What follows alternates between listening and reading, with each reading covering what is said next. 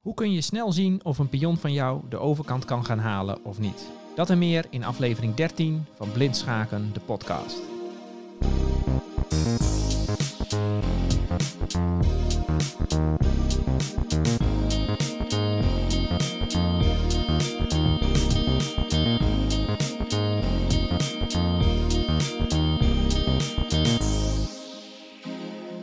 Mijn naam is Jan Spoelstra. Welkom bij deze schaakcursus per podcast. En we gaan vanaf nu langzaamaan de diepte in. We gaan het hebben over pion-eindspelen. Dat kan nog best lastig zijn. Het is ook voor mij goed om dit eens even te herhalen, om even weer eh, de kennis op te frissen en het, eh, en het jullie uit te leggen. En ook voor de gemiddelde clubschaker eh, kan het geen kwaad om deze kennis even weer op te halen. Ik heb in deze podcast zes stellingen.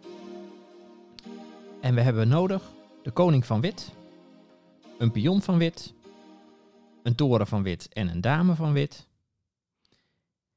En voor zwart hebben we nodig een koning, een toren en een dame. Oké, daar gaan we. Oké, in deze eerste stelling zetten we de witte koning op Felix 2. We zetten een witte pion op Caesar 3. En we zetten de zwarte koning op Gustav 8. Wit is aan zet. Wit wil zijn witte pion promoveren. Wat is zijn beste set? Nogmaals de stelling. Ik zal het in deze podcast altijd uh, twee keer noemen, uh, de stellingen die we, die we bespreken. De witte koning staat op uh, Felix 2. De witte pion staat op Caesar 3. En de zwarte koning staat op Gustav 8. Wit wil zijn pion promoveren. Wat is zijn beste set? Nou, en daarvoor kijken we eerst even naar de kwadrantregel. Uh, dat is in de podcast over de pion uh, gezegd. Uh, we kunnen blind met onze pion naar voren lopen en kijken of die zwarte koning in de buurt kan komen. Daarvoor moeten we even een kwadrant trekken van C3 helemaal naar de overkant naar C8. En vervolgens naar even zoveel stappen naar rechts. Dan komen we uit op hector 8. En dan gaan we weer naar hector 3. En dan hebben we zo een vierkant. Staat de zwarte koning in dat vierkant? Het antwoord is ja. Dus die pion gaat de overkant niet kunnen halen als we niet onze eigen koning erbij brengen. Daarom moeten wij met onze koning onze pion gaan helpen. En daarvoor zijn er in deze stelling drie kritieke velden waar je met je koning op moet zien te komen. En dan kan die pion de overkant halen.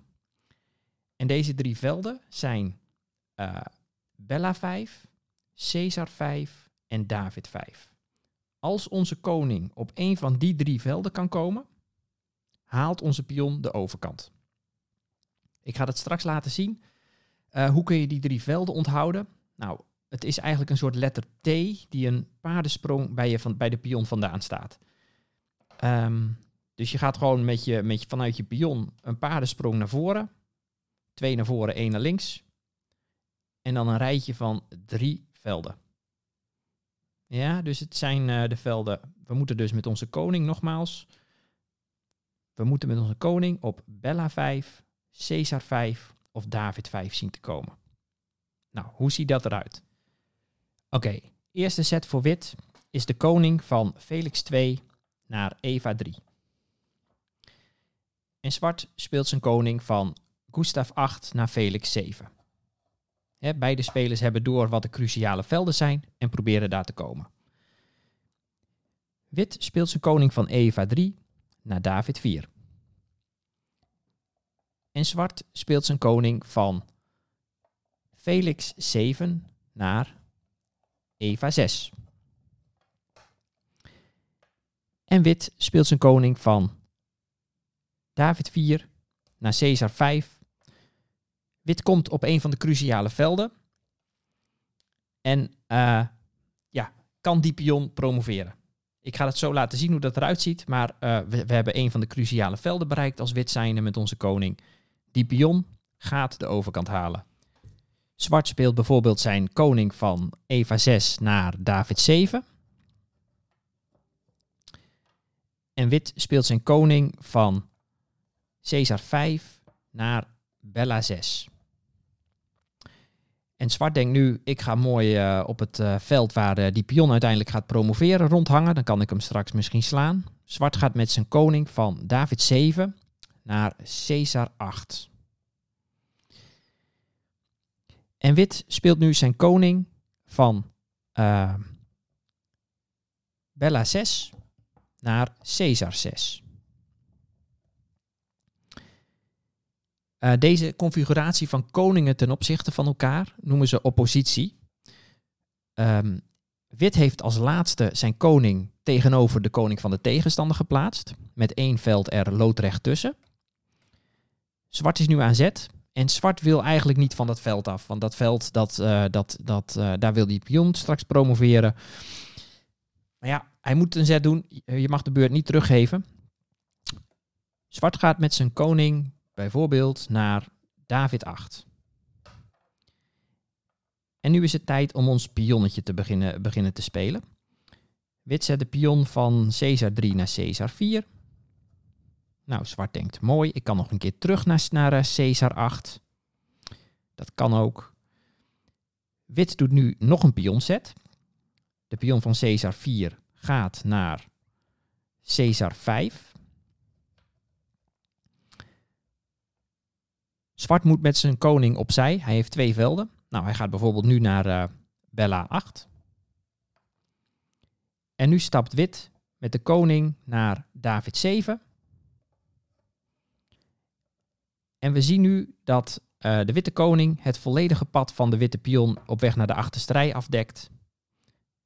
We kunnen veilig met onze pion naar C8 lopen en die pion gaat promoveren. Nou, ik zal het nog heel even uitspelen. Zwart kan bijvoorbeeld met zijn koning uh, de hoek in naar uh, Anna 8. We spelen onze pion naar Caesar 6. Zwart gaat terug met zijn koning naar Bella 8. De pion van ons gaat naar Caesar 7 met schaak. Zwarte koning die heeft, uh, nou, die heeft drie velden om naartoe te gaan. Het maakt niet uit welke van die velden die kiest. Hij gaat bijvoorbeeld naar Anna 7. En onze pion promoveert op Caesar 8. Dat wordt een dame. En we hebben in de vorige uitzending gezien dat, uh, dat je met dame, of een van de vorige uitzendingen hebben we gezien dat je met koning en dame schaakmat kan geven. Dus dit is gewonnen voor wit.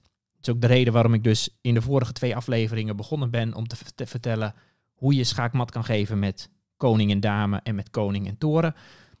Zodat je weet dat als een pion van jou promoveert, dan ga ik winnen. Oké. Ik ga het nu even iets uh, complexer maken. Oké, zojuist hebben we een stelling op het bord geanalyseerd en gekeken of, een, of onze pion kon promoveren of niet. Maar als schaker wil je vaak vooruitdenken. Je wil kunnen beoordelen of een eindspel wat eraan zit, zit te komen gewonnen is voor jou of niet. En daarvoor zet ik nu even een, uh, een stelling op het bord met twee torens erbij. Ik zet een uh, witte koning op, of ik zet de witte koning op David 1. Ik zet een witte toren op Felix 2. En een witte pion op Caesar 3. Dan zet ik de zwarte koning op Gustav 7. En een zwarte toren op Felix 6. Wit wil zijn pion promoveren. Is het verstandig om de toren op F6 te slaan of niet? Of moeten we de torens op het bord houden? Nogmaals de stelling. De witte koning staat op David 1. Een witte toren staat op Felix 2. En een witte pion staat op Caesar 3. Voor zwart staat de koning op Gustav 7. En een zwarte toren op Felix 6. Wit wil met zijn pion de overkant halen van C3. Is het verstandig om de torens af te ruilen? Moeten we de toren op F6 gaan slaan met onze toren of niet? Nou, als je deze beslissing gaat maken om die torens af te ruilen of niet, moet je weten of de, of de pion gaat promoveren als de zwarte koning op F6 staat. Want als wij die, uh, die, die toren slaan, dan slaat die zwarte koning terug op F6 en dan moeten we kijken, kunnen wij met onze koning een van de cruciale velden voor de witte pion op C3 halen of niet? Nou, dat kun je halen, maar je moet wel uh, goed nadenken of je, ho hoe je richting die cruciale velden loopt. Ik ga eerst laten zien, uh, we gaan eerst die toren even slaan. De witte toren van F2, die slaat de zwarte toren op F6. En de zwarte koning slaat die toren van F6 terug. Oké, wit gaat nu eerst een paar zetten doen die niet het beste zijn. Zetten waarmee hij zelfs de partij weggooit. Wit gaat eerst proberen richten in een rechte lijn richting de cruciale velden te lopen. De cruciale velden voor de C3-pion zijn de velden Bella 5, Caesar 5 en David 5. En wit probeert nu in een rechte lijn richting David 5 te lopen. Nou. Wit speelt zijn koning van David 1 naar David 2. Zwart speelt zijn koning van Felix 6 naar Eva 5. Wit speelt zijn koning van David 2 naar David 3. En zwart speelt zijn koning van Eva 5 naar David 5. En we kunnen de cruciale velden niet dichter benaderen dan dit. De zwarte koning staat in de weg. Je zou nu kunnen denken, ja maar als wit nou zijn pionnetje van uh, Caesar 3 naar Caesar 4 speelt, maken we dan geen progressie? Nou ja, het antwoord is, uh, dat, dat lijkt wel zo, maar uiteindelijk weet zwart dat te verdedigen. Dat is een onderwerp voor de volgende podcast. In de volgende podcast gaan we pionnetjes tegenhouden. In deze podcast gaan we alleen pionnetjes promoveren. Op deze manier lukt het niet. Ook als we met de koning richting de via de andere kant proberen te komen vanuit deze stelling. Hè. Ga maar eens met je koning naar Caesar 2. Dan gaat zwart met zijn koning bijvoorbeeld naar uh, Caesar 5. Wit gaat met zijn koning naar Bella 3.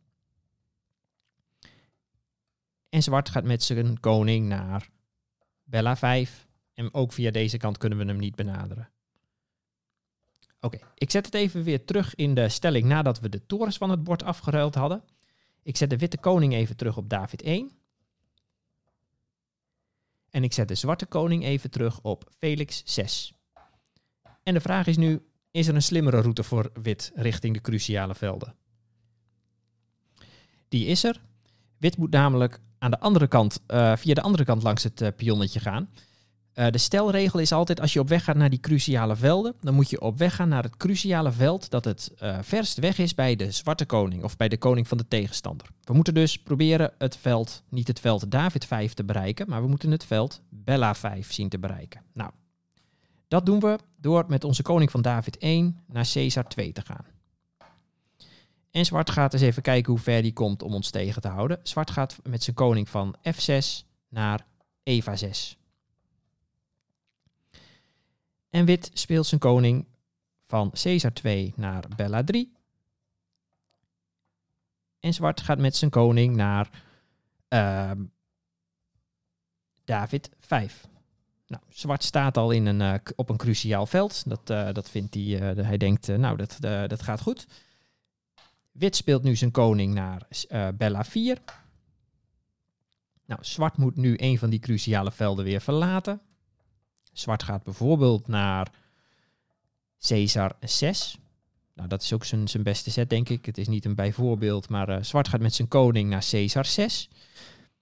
Nu stapt wit loodrecht tegenover de zwarte koning. Wit gaat uh, met zijn uh, koning van Bella 4 naar Caesar 4. Dit is weer oppositie. Zwart is aan zet. door met zijn koning van Caesar 6 te gaan, maakt hij, uh, verzwakt hij zijn stelling. Daardoor maakt hij het voor ons mogelijk om op een van de cruciale velden te stappen. Zwart gaat bijvoorbeeld naar David 6. En wij kunnen naar een cruciaal veld stappen. Wit stapt met zijn koning naar Bella 5. Yes. We staan op een kritiek veld voor onze pion. Deze pion gaat de overkant halen. Let maar op. Zwart gaat met zijn koning naar David 5. Wit uh, kan nu zijn pionnetje alvast een uh, veld naar voren zetten. Wit gaat met zijn pion naar Caesar 4 met schaak. Daarmee schuiven de kritieke velden, de cruciale velden, schuiven daarmee op. Hè. Die schuiven door naar Bella 6, Caesar 6 en David 6. Nou, zwart gaat met zijn koning naar David 6. Wij stappen met onze koning ook weer op een, een van die cruciale velden op Bella 6. Zwart gaat met zijn koning nu naar David 7. Wij spelen onze pion van uh, Caesar 4 naar Caesar 5. Zwart gaat met zijn koning naar Caesar 8. Wij zetten onze koning op Caesar 6. Hoe noemen we dit, mensen? Oppositie. Uh, we staan loodrecht met de koningen tegenover elkaar. Wij hebben nu de oppositie, want de tegenstander is aan zet en die verzwakt zijn stelling doordat hij uh, een set moet doen nu. een koningsset moet doen nu. Uh, zwart gaat bijvoorbeeld met zijn koning nu naar uh, David 8. Wit gaat met zijn koning naar Bella 7. En we zien nu dat de witte koning de drie velden op weg naar C8 afdekt. Die pion kan veilig de overkant halen. Dit ga ik verder niet uitspelen. Um, die pion gaat promoveren. Dat wordt een dame. En we gaan schaakmat geven. Ja, mensen, ik zie dat ik al een uh, kwartier aan het woord ben, terwijl ik nog maar twee van de zes stellingen die ik had willen behandelen, behandeld heb. Dus ik uh, besluit bij deze even om de podcast op te knippen in delen. We hebben in deze podcast gezien wat de cruciale velden zijn voor een pion om te promoveren. En met die cruciale velden bedoel ik velden waar je met jouw koning moet komen te staan. En dan weet je dat die pion de overkant gaat halen, wat zwart ook doet. Je moet dan nog wel nauwkeurig spelen, maar dat is een eerste stelregel om te kunnen bepalen of een eindspel voor jou winnend is. Nou, we hebben onze pion steeds op, uh, op het veld C3 gezet. En de cruciale velden, die liggen daar eigenlijk een paardensprong voor. Dus twee stappen naar voren, één naar links. Of twee stappen naar voren, of twee stappen naar voren en één naar rechts. Die drie velden. Vanuit C3 gaat het om de velden B5, C5 en D5. Die drie velden zijn cruciale velden. Nou is het anders als de pion aan de rand van het bord staat. Dus voor randpionnen die op de A-kolom of op de H-kolom, hector, staan, gelden andere regels om, uh, om te bepalen of dat pionnetje gaat promoveren of niet. Daar kom ik de volgende keer op terug. Dan zijn, is er ook nog een, een uitzondering, of dan zijn er ook nog uh, uitzonderingen als de pion voorbij het halverwege punt is. Dus als jouw pion al op de vijfde rij staat, dan uh, vergroot het aantal cruciale velden. Nou, dat ga ik allemaal de volgende keer behandelen. En dan die keer daarop ga ik het hebben over verdedigen. Hoe verdedig je dit nou als zwart zijnde? Dat is het voor nu. Heb je vragen over deze podcast? Stuur een e-mail naar blindschakendepodcast.gmail.com Ik zie jullie graag de volgende keer weer terug achter het bord.